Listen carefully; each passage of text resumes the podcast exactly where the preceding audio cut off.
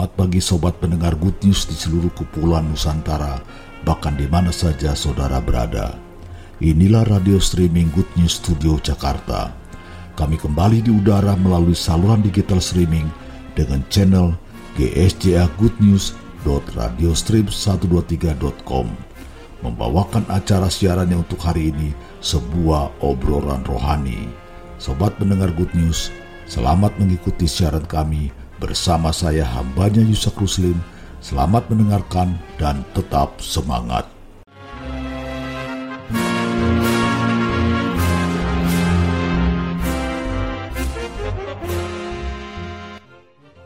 Selamat pagi sobat pendengar Good News di mana pun sudah berada, selamat berjumpa. Obrolan rohani kita pagi ini adalah seputar sikap anak Tuhan dalam menyikapi seruan PSBB yang mulai diberlakukan pada tanggal 14 September ini.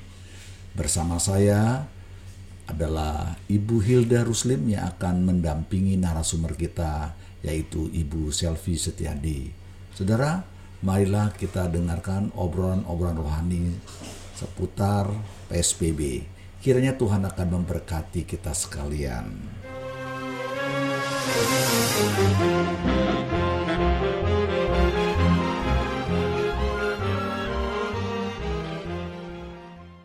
Saudara pendengar yang setia di dalam mendengar radio streaming, saya beritahu sedikit lagi bahwa Ibu Silvi ini adalah seorang yang pejuang atau pemenang dari COVID-19 yang pada awal-awal bulan Maret yang lalu. Saudara, mari Mari kita sebagai anak Tuhan harus benar-benar tanggap cerdik untuk menanggapi COVID-19 ini. Oke, mari Bu, kita lanjut lagi. Uh, kalau menurut Ibu, PSBB yang dilakukan oleh Pak Anies yang merencanakan tanggal 14 akan diada, dilangsungkan lagi, menurut Ibu bagaimana? Lihat dari situasi dan kondisi akhir-akhir ini yang semakin naik mencemaskan sekali angka COVID-nya itu, maka sudah selayaknya menurut saya memang harus diberlakukan lagi PSBB. Karena kita bisa melihat setelah sedikit dilonggarkan satu dua bulan ini angka COVID itu naik melonjak bahkan uh, setiap harinya di Jakarta aja seribu lebih 1300 lebih orang yang terinfeksi baru. Seperti itu Bu Hilda. Ya. Bu, uh, sering kali saya bertemu dengan teman-teman bicara COVID. Ya kita sebenarnya antara percaya dan tidak percaya dengan adanya COVID gitu ya. Karena kan kita hanya dengar atau lihat di televisi gitu. Nah hari ini kita bertemu walaupun para pendengar radio streaming men, hanya mendengar suara ibu, tetapi ini sangat bermanfaat sekali bagi kita. Ya, uh, lalu yang saya ingin tanyakan, menurut ibu, waktu itu kan tadi kata ibu bahwa awal Maret itu memang kita belum diharuskan dan dianjurkan pakai masker. Nah, berarti anjuran untuk pakai masker itu tepat sekali ya Bu? Tepat sekali masker itu melindungi kita dari uh, virus yang dibawa oleh orang lain dan melindungi orang lain dari hmm. virus yang mungkin tanpa sadar kita bawa pada orang lain itu. Si droplet itu ya Bu ya? Droplet ya. Iya, iya. Ah, itu masker. Kalau visin Bu kan sekarang lagi lagi tren juga tuh Bu. Kalau menurut Ibu itu apa perlu juga untuk kita gunakan. Dengan adanya masker dan face shield itu lebih aman lagi. Karena untuk petugas medis sendiri, mereka menggunakan masker double, sudah N95 plus masker medis, dan face shield. Mereka malah menggunakan semacam helm waktu saya dirawat itu. Sampai menutup seluruh kepala sampai belakang, seperti helm persis. Yang depannya adalah kaca bening itu. Ya, ya, ya. Saudara, sekali lagi mungkin saudara belum mengenal lebih jauh tentang Ibu Silvi, uh, tetapi saudara akan diajak untuk mendengar kesaksiannya atau bagaimana pengalaman beliau di rumah sakit pada Senin di tanggal 28. Jadi saudara tetap pantang channel radionya dan dengarkan. Kalau hari ini kita hanya berbincang mengenai uh, bagaimana atau anggap kita harus bagaimana menyikapi hari-hari yang akan menurut banyak orang merupakan hari yang mencekam karena kita akan menghadapi PSBB lagi. Ya Bu ya. Bu, waktu Ibu awal uh, di diagnosa bahwa positif, bagaimana tuh Bu? Saya sama sekali waktu merasa waktu sakit itu tidak terpikir itu COVID. Karena sakit itu sama seperti uh, flu, demam. Saya bahkan curiganya itu demam berdarah karena panas, minum obat panas turun. Lalu beberapa jam panas lagi. Minum lagi obat panas turun. Tapi kemudian panas lagi.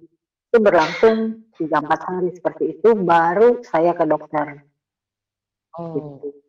Nah setelah dicek dokter dari darah itu ketahuan dokter curiga bahwa itu adalah infeksi virus yang lagi viral seperti itu karena pertahanan tubuh yang pertama diserang adalah leukosit dan limfosit, monosit semuanya uh, turun separuh 50 persen.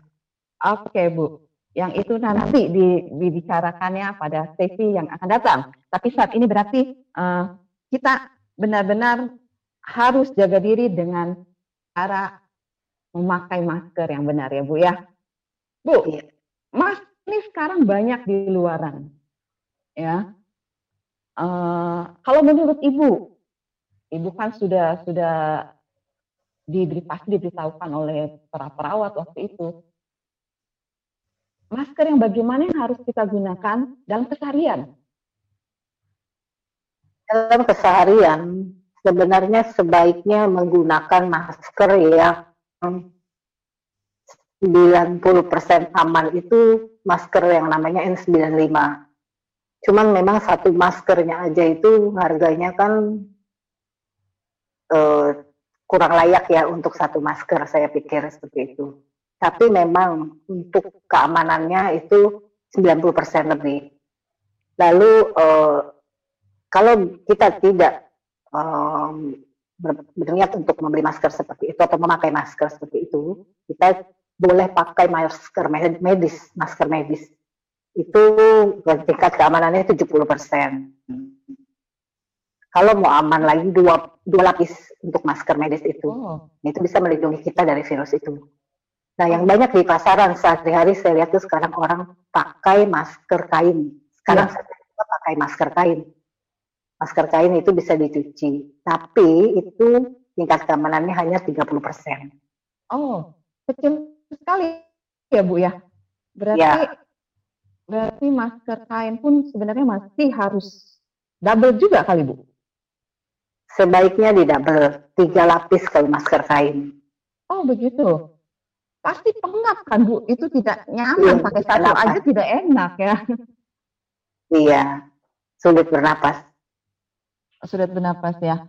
Nah, kalau kita hanya bicara tentang masker yang kecil, yang yang membuat kita pengap, sulit bernapas, berarti ibu juga pernah mengetahui bagaimana para perawat, ya bu ya, merawat ibu itu mereka selain pakai masker, apa lagi bu? Yang pasti mereka memakai pakaian APD untuk masuk ke hmm. ruangan. Itu mereka ada jadwal. Jadi tidak setiap saat kita perlu kita pencet dan mereka datang. Tidak. Jadi mereka ada jam-jamnya. Pagi antar sarapan. Dokter visit. Lalu siang antar makan siang. Lalu sore jam 6 sore antar makan sore. Dan dan malam jam 10 jam 11 malam hanya empat kali dalam sehari. Di luar itu, -hmm. di luar itu jika kita panggil mereka tidak akan datang.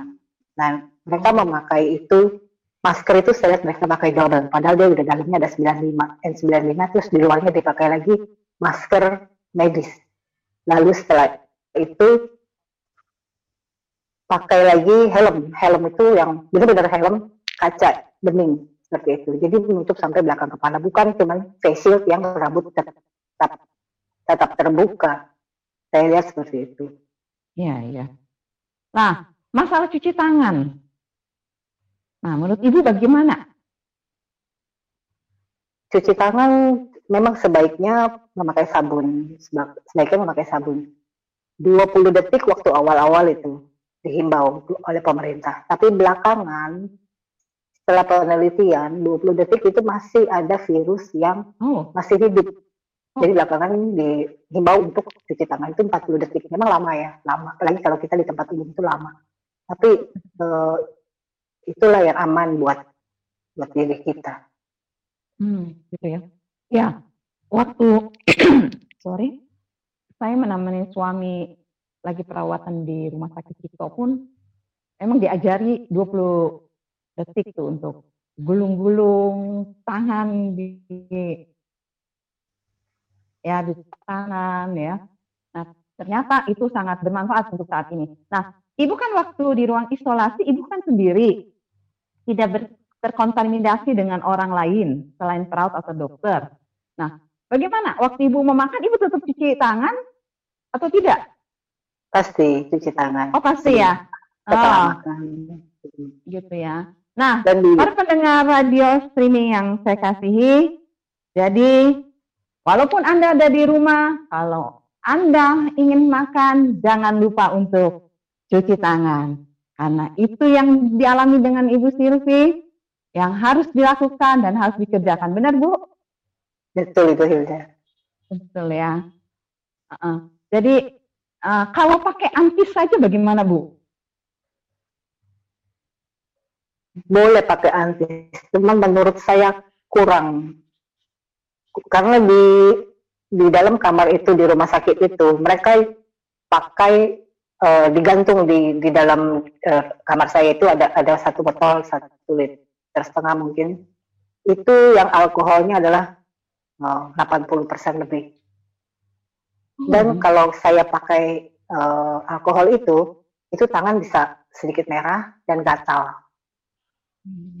Nah itu yang betul-betul, betul-betul uh, bisa membunuh virus itu yang seperti itu. Iya, iya. Itu yang mematikan ya. Uh. Jadi sangat perlu menjadi perhatian kita semua dan jangan kita anggap sepele hal mencuci tangan sebelum kita memegang makanan atau minuman yang akan kita konsumsi dalam keseharian ya Bu ya.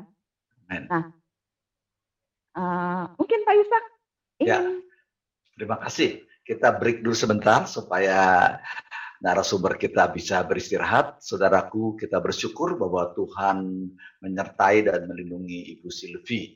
Nah, saudaraku, ada sebuah lagu dari Maria Sandi yang berjudul Mujizat itu Nyata. Mari kita dengarkan lagu ini dan jangan pindahkan channel saudara dan kita akan lanjutkan setelah lagu ini.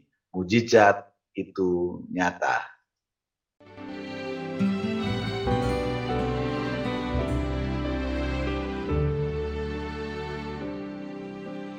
Tak terbatas kuasamu Tuhan Semua dapat kau lakukan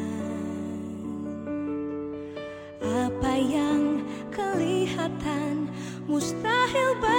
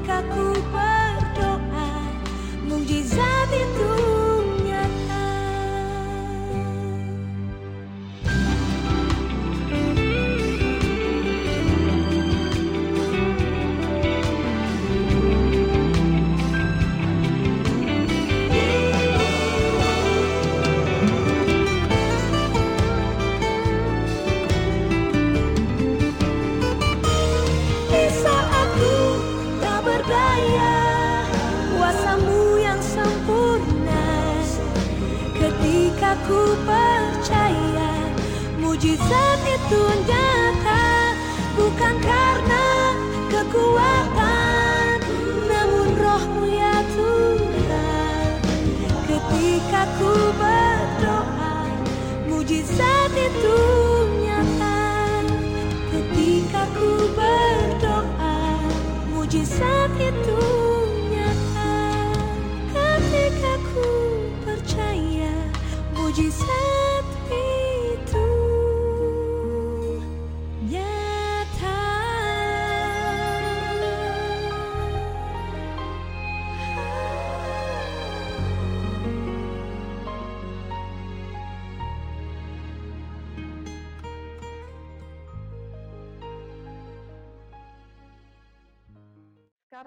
saudara pendengar radio streaming yang dikasih, kita akan kembali membahas seputar eh, PSBB, anggapan dari seorang yang pernah mengalami COVID-19.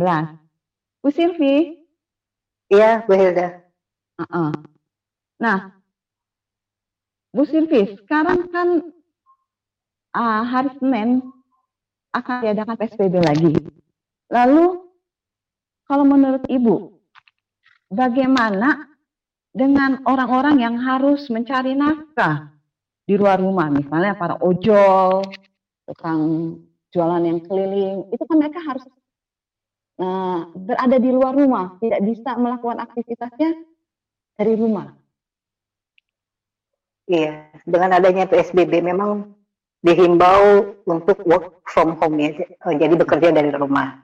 Sedangkan mereka yang harus beraktivitas di luar seperti dagang keliling, ojol, menurut saya justru dengan adanya eh, orang-orang pada di rumah, secara pekerjaan mungkin mereka akan lebih mendapat eh, pekerjaan lebih sering, antar eh, makanan dan mungkin barang dagangan untuk keliling itu laku. Tapi bagaimana dengan eh, kondisi kesehatan keamanan mereka sendiri? Nah, dalam menjalankan pekerjaan mereka juga harus memperhatikan protokol kesehatan dengan baik. Pemerintah sudah begitu jelas eh, memberikan poin-poin eh, untuk protokol kesehatan yang harus dijalankan masyarakat. Mereka itu orang-orang yang paling paling rentan untuk terinfeksi karena harus harus eh, menjalankan pekerjaannya di luar rumah pada saat masa Iya. pandemi seperti ini. Protokol kesehatan itu seperti mereka harus sering-sering mencuci tangan setelah mengambil barang, menaruh barang, atau eh, segala sesuatu yang mereka pegang itu tangannya harus dicuci dan jangan menyentuh mata, hidung, mulut. Karena itulah pintu masuk virus ke tubuh kita. Oh, Gitu. ya, ya. Dan masker jangan sampai dilepaskan. Memakai masker yang benar, hidung tertutup sampai dengan mulut tertutup dari bawah mata sampai dagu. Oh, Seperti itu. Dan selalu menjaga jarak dengan orang lain 1 sampai 2 meter. Ya, iya. Bu, berarti kalau begitu kita pun di rumah sebenarnya harus pakai masker. Sebaiknya pakai, tapi jika memang orang-orang di rumah kita itu semuanya memang tidak ada yang positif, semuanya aman-aman saja, boleh dibuka sih kalau di rumah. Oh ya, paling Kecuali kalau kita ketemu orang, orang datang di depan pintu kita seperti ojol itu kita harus cepat-cepat pakai masker. oh iya iya. Jadi memang eh, saat kita berjumpa, saat kita mengambil barang, kita harus benar-benar safety-kan diri kita terlebih dahulu ya Bu ya. Iya. Lalu barang yang kita terima Bu, itu dari, dari ojol, itu bagaimana tuh Bu? Apakah kita harus jemur atau bagaimana? Kalau menurut pandangan Ibu.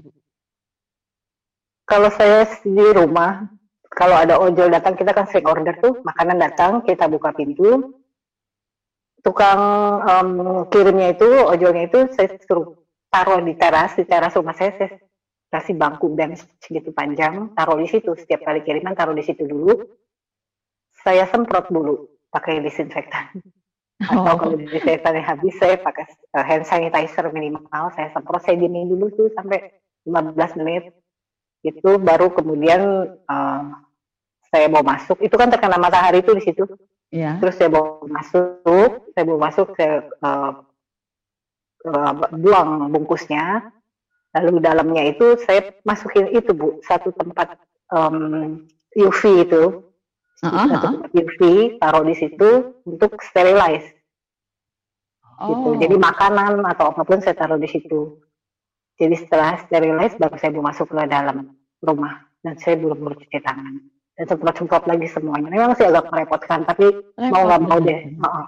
mau nggak mau deh lagi musim seperti ini supaya menjaga semua eh, anggota keluarga saya terbebas dari covid Itu alat UV-nya aja Bu, Ibu sengaja beli atau memang sudah punya sebelumnya Bu? Kalau boleh Belum. tahu nih. saya belum pernah punya. Baru beli mungkin waktu bulan bulan Mei sepertinya nih. Baru Oh, saya beli di online. Karena tahu berapa berfungsinya ya Bu ya, betapa pentingnya itu ya, makanya Ibu beli juga ya. Hmm, beli. Terus di depan di teras rumah saya itu kalau saya beli beli sayur dari tukang sayur itu itu selalu saya cuci pakai sabun dulu di situ Oh, Jadi di, di depan- luar. di luar di luar di depan di depan teras itu eh, saya taruh eh, semacam kayak kayak tempat cuci piring gitu jadi semua sayur saya cuci dulu di situ pakai sabun baru saya mau masuk Tapi kan Ibu, kalau misalnya sayuran ada beberapa yang cepat kalau kena air tuh udah cepat membusuk tuh. Berarti Ibu beli sayuran hampir tiap hari. beli sayuran mungkin seminggu dua kali Oh, seminggu dua kali. belanjanya di tukang Hmm. sayur itu Iya, iya. Cari yang tahan ya, yang yang bisa disimpan agak lama di kulkas ya, pendingin. keras ya Mm. Ah. Ah, nah sekarang bicara tadi karena sayuran. Nah, kalau kita sebagai ibu-ibu nih yang harus ke pasar, berarti selama ini ibu nggak ke pasar, hanya pesan via online atau bagaimana bu? saya nggak ke pasar sih memang karena saya pikir di pasar itu eh, protokol kesehatannya kurang terjaga Betul sekali. sedikit lebih kotor daripada supermarket. Jadi saya selama ini selalu kalau beli apa-apa tuh ke supermarket. Gitu. Iya, iya, iya. Ya, walaupun harga tinggi sedikit ya dibandingkan pasar tradisional ya Bu ya, tapi itu lebih baik untuk penjagaan diri kita.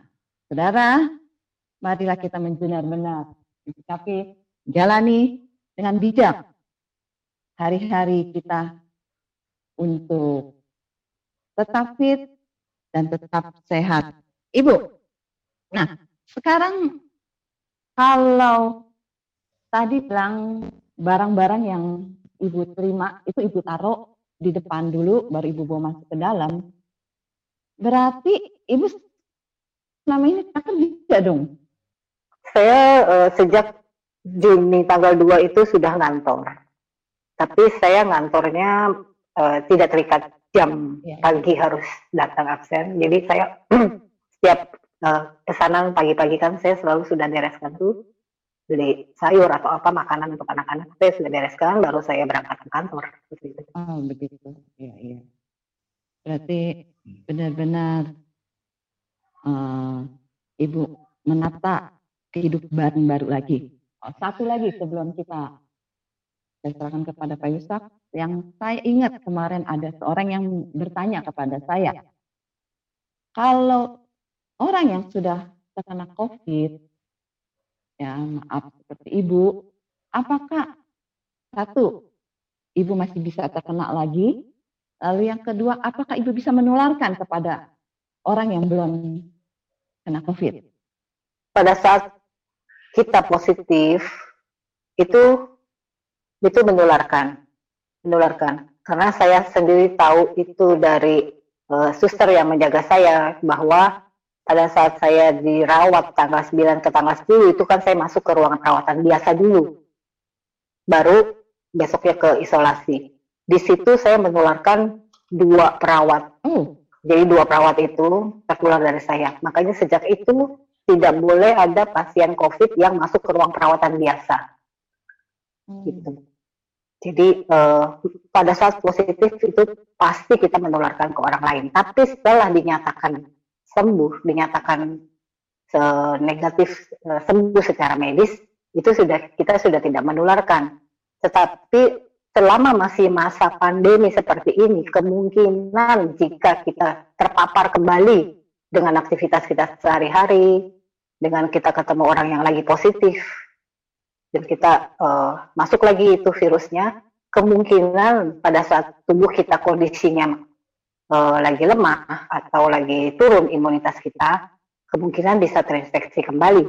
Tapi setahu saya, orang yang sudah pernah terinfeksi itu di dalam uh, tubuhnya ada antibodi di dalam hmm. darahnya, di dalam plasmanya, plasma darah yang putih itu itu udah ada antibodi. Misalnya ada virus itu masuk lagi, dia kembali demam lagi, tapi mungkin satu hari, dua hari dia udah sembuh lagi. Hmm. Saya pernah juga diminta, diminta oleh rumah sakit Mitra Kelapa Gading supaya saya menyumbangkan darah saya untuk diambil plasmanya karena saya AB plus ada pasien COVID yang yang kritis yang membutuhkan darah plus terus dicari. Kemudian saya dihubungi rumah sakit. Saya uh, sudah sudah hampir jalan ke PMI yang di Keramat itu di PMI mm -hmm. pusat sudah hampir jalan. Mm -hmm. untungnya susternya bertanya ibu tidak uh, ibu tidak sedang haid kan? Oh saya lagi haid saya bilang gitu. Aduh maaf nanti saya tanya dulu atasan saya boleh nggak ya kalau lagi haid itu uh, menyumbangkan darahnya? Segala macam dia telepon saya lagi ibu ya nggak boleh bu. Maaf ibu. Uh, kalau yang lagi haid ini nggak boleh. Jadi saat itu saya nggak jadi. Hmm. tapi uh, sudah diminta darah saya karena saya pernah sembuh dari covid itu. Hmm. nah si pasien itu yang harusnya saya sumbangkan darahnya hari itu tapi saya berhalangan dua hari ke kemudian atau tiga hari kemudian saya dengar itu orangnya yang meninggal. Oh iya, lebih sayang kepada orang tersebut ya. Hmm. Jadi uh, menurut pengetahuan ibu bahwa kalau kita sudah nyatakan positif bahwa itu tidak akan menular ya. Buktinya ibu sekeluarga tetap dalam keadaan sehat bersama anak dan orang tua ya bu ya. Pak Yusuf, bagaimana? Ya. Mungkin ada yang ya, Terima kasih. Terima kasih Bu Silvi tetap bersama kami ya sebentar dan saya harapkan sebelum ditutup nanti Ibu Silvi bisa memberikan uh, mungkin sekedar nasihat atau ya himbauan-himbauan buat para pendengar yang hadir hari ini. Sobat pendengar Good News di mana pun sudah berada, kita dengarkan obrolan-obrolan rohani seputar bagaimana sikap kita seharusnya sebagai anak-anak Tuhan dalam menyikapi seruan diberlakukannya kembali PSBB. Saudaraku, ada sebuah berita bahwa jam 5.50 telah dipanggil pulang saudara kita Bapak Peng'an atau Pak Selamat. Beliau adalah adik ipar dari Pak Cuncun. Kami sekeluarga mengucapkan turut berbelasungkawa atas dipanggil pulangnya yang bersangkutan. Kiranya Tuhan akan menghibur, menguatkan kepada segenap keluarga yang ditinggalkan. Demikianlah saudaraku, ada sebuah lagu yang kita mau dengarkan sebelum kita lanjutkan perbincangan kita dengan Ibu Selvi. Sebuah lagu dengan judul Tiap Langkahku. Kita percaya bahwa sebagai anak-anak Tuhan, setiap langkah kita ada dalam perlindungan dan penyertaan Tuhan. Selamat mendengarkan.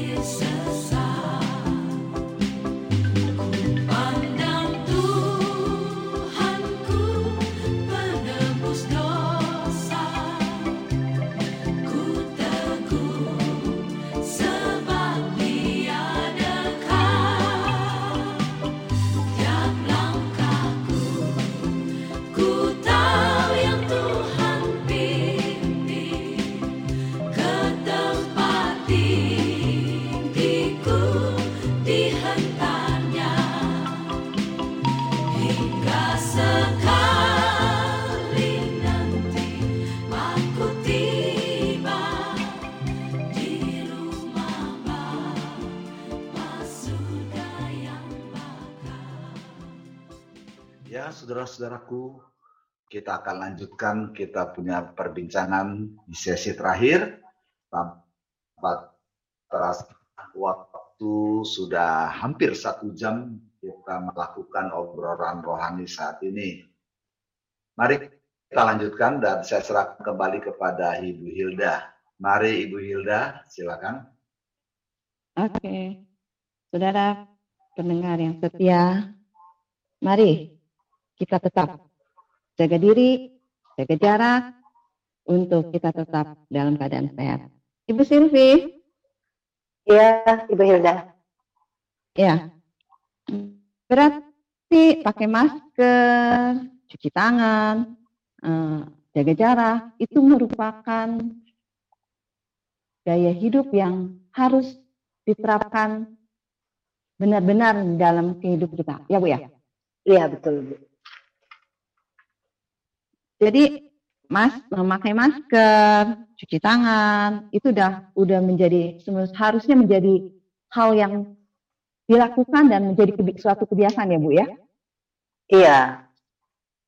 Di masa pandemi seperti ini, memang mau tidak Oh. mau kita harus harus eh, memakai masker, sering-sering cuci tangan, 40 detik, dan jaga jarak ter- terhadap orang lain. Iya, Satu walaupun agak ribet ya, walaupun agak ribet.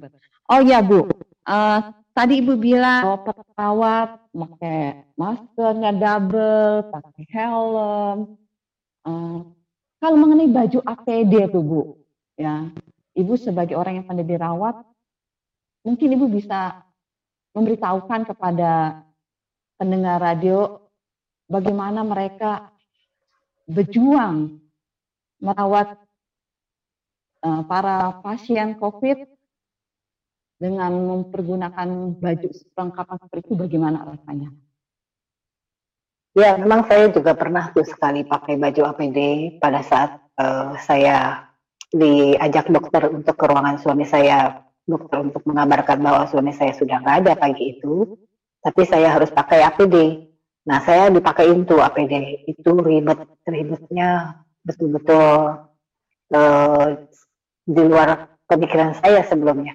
Dari atas sampai bawah tuh betul-betul tertutup dari kaki, ujung kaki sampai ujung rambut itu saya di, di rambut itu dipakein seperti itu eh, yang untuk mandi keramas itu tertutup tuh rambut Ya, semua. Ya, terus Mhm. masker yang sampai diikat ke belakang itu dua lapis terus pakai lagi seperti face shield itu lalu eh, baju APD baju APD itu sama sekali nggak ada hawa eh, udara yang bisa menyentuh kulit kita. Itu ngapnya kayak seperti di, eh, dikekep gitu. Nggak betah. Saya sih terus terang nggak betah. Nggak betah. Lalu pakai sarung tangan dua lapis. Sarung tangan pertama terus baju APD sarung tangan kedua terus baju kayak celemeknya gitu diikat ke belakang. Hmm.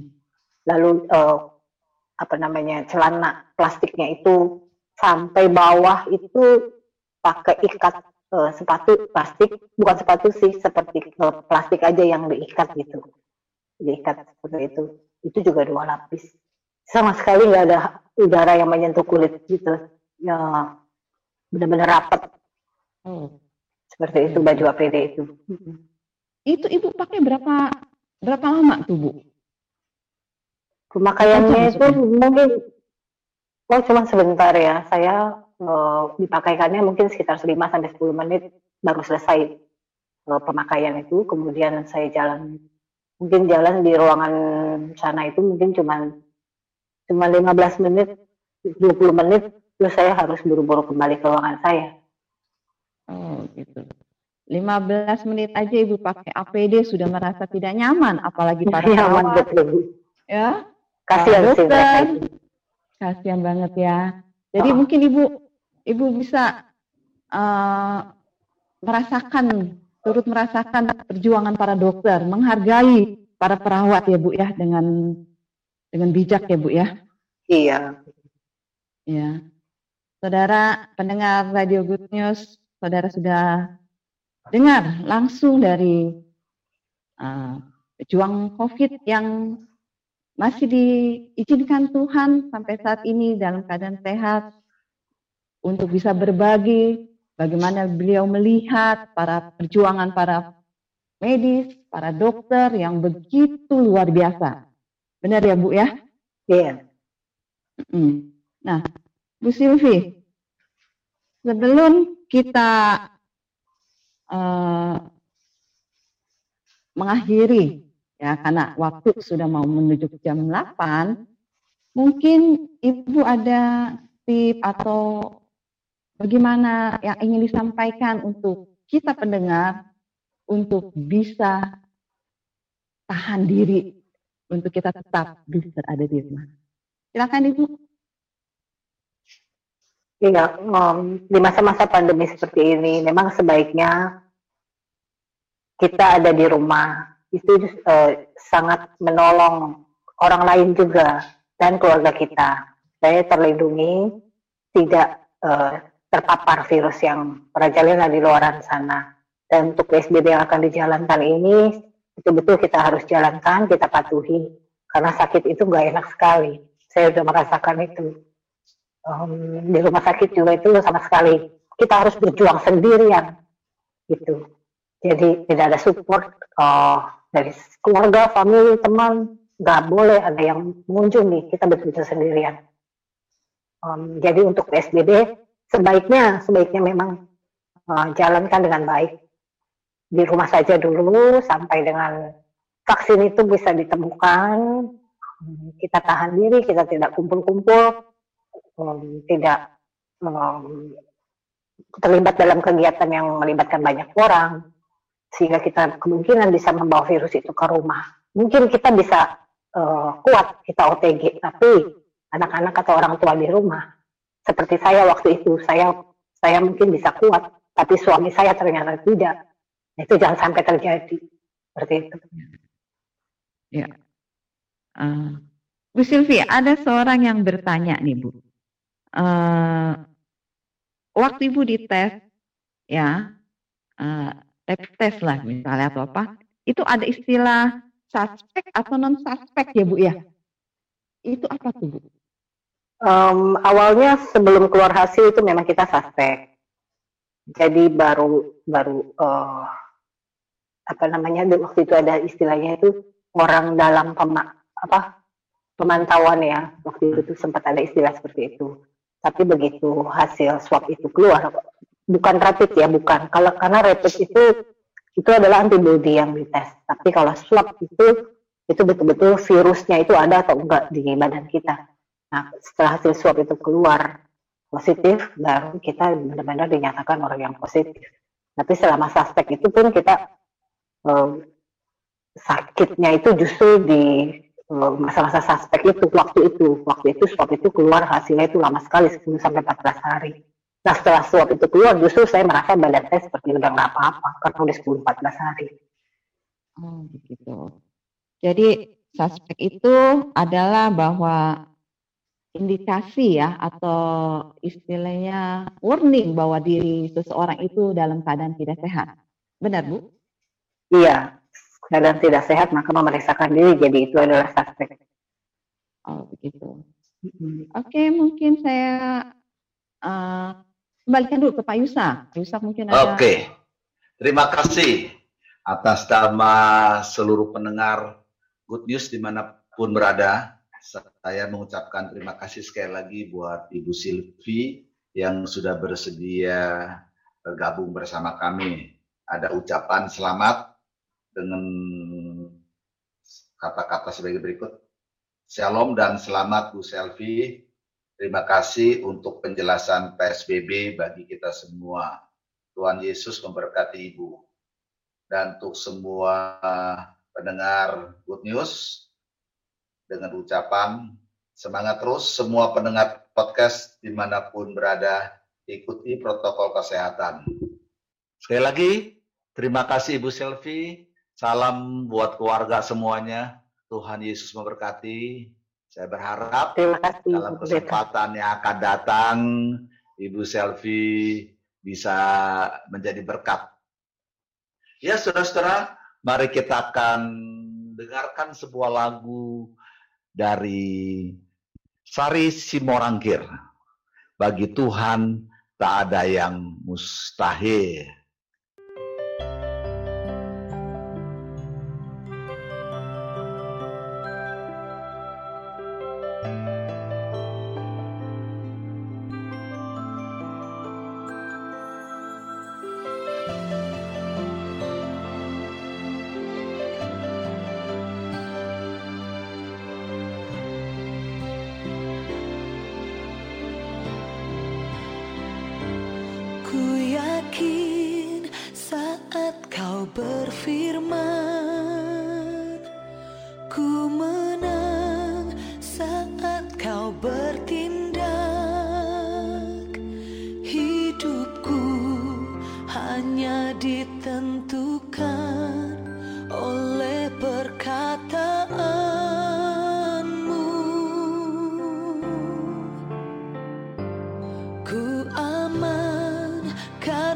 Kau menjaga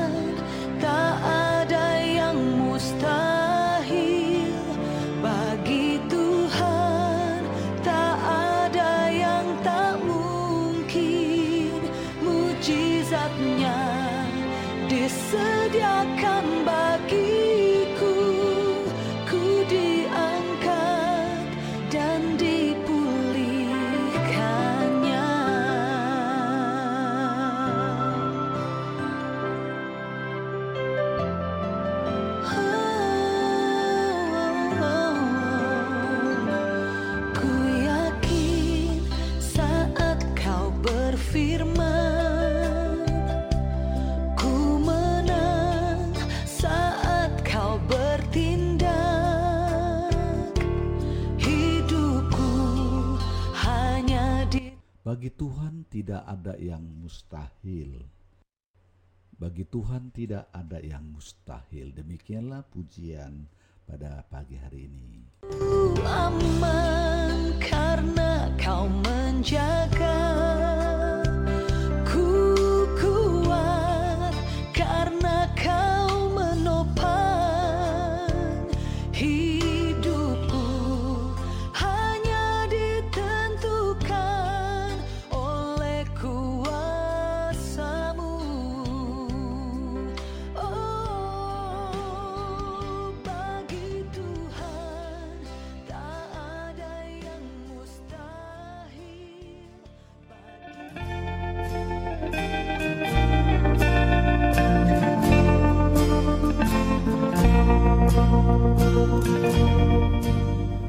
waktu untuk bertemu, ada waktu untuk berpisah. Sampai jumpa esok hari bersama radio streaming Good News di waktu dan jam yang sama. Tuhan memberkati.